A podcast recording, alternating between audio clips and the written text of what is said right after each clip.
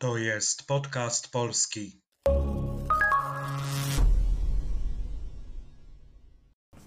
Lubicie podróżować? Mam nadzieję, że tak, bo dzisiaj chcę Was zabrać w podróż do Jordanii. Nie tylko dlatego, że warto bliżej poznać ten kraj, ale też dlatego, że będzie to doskonała okazja do poszerzenia słownictwa z tego zakresu.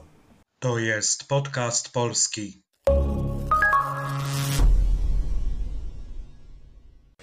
Cześć, y, ja nazywam się Przemek, a to jest kolejny odcinek podcastu polskiego. To jest podcast dla osób, które uczą się polskiego i chcą popracować nad rozumieniem ze słuchu i nad wzbogaceniem słownictwa. Dla osób, które chcą mieć kontakt z żywym, mówionym językiem. Są różne sposoby podróżowania. Generalnie mówimy o podróżowaniu na własną rękę lub z biurem podróży. Każde z nich ma plusy i minusy, ale jeśli chodzi o mnie, zawsze wolałem tą pierwszą opcję. Zastanówmy się, jakie są plusy i minusy podróży z biurem. Wśród pozytywów najważniejsze jest chyba to, że dostajesz wiele rzeczy w pakiecie. Nie musisz sam nic organizować, sprawdzać informacji, godzin otwarcia, cen biletów. Nie musisz się martwić, jak się przemieszczać z miejsca na miejsce. Zwykle też masz zagwarantowane posiłki. Niewątpliwym plusem jest też obecność przewodnika, który opowiada o odwiedzanych miejscach. A jakie są w takim razie minusy? Jeden z największych to konieczność dostosowania się do programu i do całej grupy. Zwykle nie możesz się oddzielić, żeby zwiedzić jakieś inne miejsce, muzeum i tym podobne. Zmorą takich wycieczek potrafią być współpasażerowie. Temu coś nie pasuje, tamten narzeka, że za dużo jest chodzenia, a jeszcze inny potrzebuje więcej czasu, bo akurat zaczął wybierać pamiątki dla całej rodziny. Mniejszy też, a czasami zerowy, mamy w tym przypadku kontakt z lokalsami, czyli miejscowymi. Dla niektórych nie ma to znaczenia, ale dla mnie akurat ma. To dla mnie bardzo ważny czynnik przy planowaniu podróży. Zauważyliście, że powiedziałem z lokalsami? Poprawnie, powinniśmy powiedzieć z miejscowymi lub tubylcami. Jednak słowo tubylec kojarzy się głównie z plemionami z dalekich krajów. Niektórzy używają więc słowa miejscowi, a osoby znające angielski zwykle używają słowa lokalsi.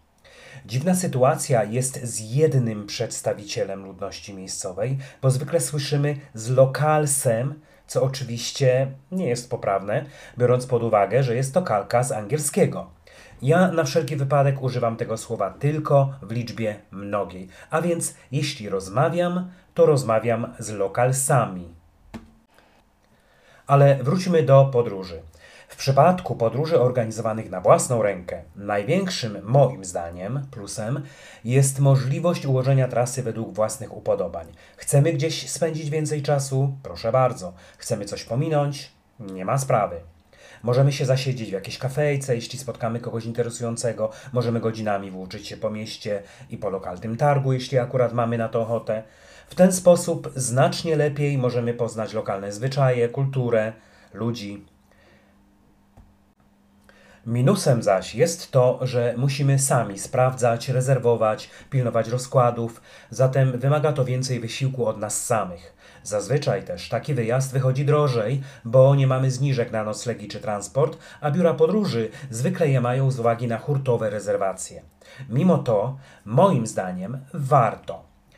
A w moim przypadku dochodzi jeszcze aspekt możliwości używania języka, jeśli akurat jadę do kraju, którego języka się uczę.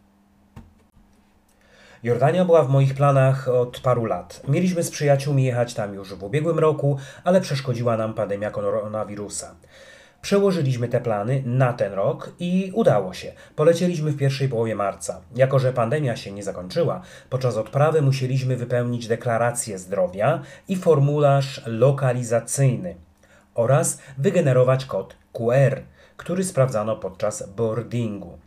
Mimo, że w języku polskim mamy sformułowanie załadunek samolotu, to jednak zwykle używamy angielskiego słowa boarding. Do Jordanii obowiązkowe jest też ubezpieczenie podróżne obejmujące koszty opieki zdrowotnej, w tym leczenia COVID-19. Obywatele Polski na wjazd do Jordanii potrzebują wizy. Można się o nią starać w konsulacie w Berlinie, ale wychodzi bardzo drogo, bo do kosztu samej wizy trzeba doliczyć koszt kuriera. Znacznie łatwiej i taniej załatwić to po prostu na granicy. Polacy mogą otrzymać tak zwaną wizę on arrival po przylocie na lotnisko. Jeszcze inną, znacznie lepszą moim zdaniem opcją jest kupno Jordan Pass. Jest to szczególna wyjściówka, która zawiera wstęp do największej atrakcji kraju, czyli do Petry oraz około 40 innych zabytków. Zawiera także opłatę wizową. Wydrukowany lub wgrany na komórce e, Jordan Pass pokazujemy na granicy i dostajemy pieczątkę z wizą, bez dodatkowych opłat. Co do samej podróży z Polski do Jordanii, w marcu latał jeszcze Ryanair, ale z tego co wiem, zlikwidował to połączenie, podobno z braku chętnych. Sam lot trwa 3 godziny i 40 minut, tyle co z Krakowa do Malagi.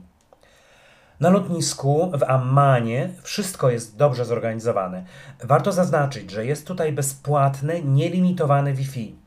Możemy od razu połączyć się z siecią, sprawdzić aktualne informacje przykład o rozkładach jazdy, czy po prostu płacić kartą za pośrednictwem telefonu. Z bramek wychodzi się wprost na biura operatorów komórkowych. Mają oni specjalne oferty dla turystów. W marcu 2022 roku najtaniej wychodziła oferta Orange. Ja akurat wybrałem Short Visit Line, która za 10 dinarów, czyli około 60 zł, dawała 15 giga internetu, 60 minut rozmów lokalnych, 60 SMS-ów i 20 minut na połączenia międzynarodowe. Warto wspomnieć o lokalnej walucie, czyli dinarze jordańskim. W marcu za jednego dinara trzeba było dać około 5 zł 60 groszy. W praktyce trudno byłoby w Jordanii wymienić złotówki. Najlepiej wziąć ze sobą dolary, euro lub funty. Lepiej jak najrzadziej wybierać pieniądze z bankomatów na miejscu z uwagi na bardzo wysokie prowizje. Kantory i biura wymiany prowadzone przez banki są zlokalizowane po prawej stronie hali przylotów. Obok nich znajdują się biura wynajmu samochodów. Polecam ten sposób podróżowania. Wychodzi drożej niż transport publiczny, ale nie musimy się martwić o bilety, przesiadki, zgrywać godzin odjazdów, tłuc z bagażami. Na początku trochę się obawiałem jeździć po jordańskich drogach, zwłaszcza, że Jordańczycy mają opinię kierowców, którzy uważają, że to oni są najważniejsi na drodze. Być może w miastach tak jest, na drodze z dwoma pasami zdarzają się w praktyce samochody ustawione, jakby ich było pięć. Jednak poza miastem na pewno się pilnują. Może to z powodu montowanych dosłownie wszędzie progów zwalniających. Wyobraźcie sobie u nas taką drogę E4 albo S7, usiane w pobliżu miast i wiosek progami zwalniającymi. Zdarzają się też kontrole policyjne, jak również kontrole bezpieczeństwa zwłaszcza w zachodniej części kraju. Być może kiedyś było ich więcej, podczas naszej podróży minęliśmy takich punktów ledwie kilka. Należy wtedy zwolnić, czasem nas zatrzymają i zapytają, kim jesteśmy, gdzie jedziemy. W stosunku do nas zawsze byli mili i uśmiechnięci. Generalnie odniosłem wrażenie, że Jordańczycy są bardzo miłym i przyjaźnie nastawionym do przyjezdnych narodem. Może tak jest y, tylko w stosunku do turystów, nie wiem. Wiem natomiast, że nie wszędzie, nie we wszystkich krajach tak jest. Przez 7 dni podróżowaliśmy wynajętym samochodem po Jordanii. Po przylocie od razu pojechaliśmy na drugi kraniec kraju, na samo południe, do Akaby. Stamtąd ruszyliśmy do Wadi Ram, y, Wadi Musa, Petry, nad Morze Martwe i skończyliśmy na stolicy Ammanie. Akurat tyle, żeby poznać najciekawsze miejsca kraju i żeby doświadczyć nowych e, rzeczy. Jak wyglądała nasza podróż? Co zrobiło na nas największe wrażenie? O tym opowiem w następnym odcinku. To tyle na dzisiaj. Zapis tego podcastu wrzucam na podcastpolski.pl. Pod tekstem znajdziecie słówka przydatne przy planowaniu podróży. Dajcie znać, jak Wam się spodobał ten odcinek. Prześlijcie link komuś, kto też uczy się polskiego, a jeśli nie chcecie przegapić żadnego odcinka, polubcie profil podcastu polskiego na Facebooku, zerknijcie też na Instagram. Linki znajdziecie na blogu. Do usłyszenia.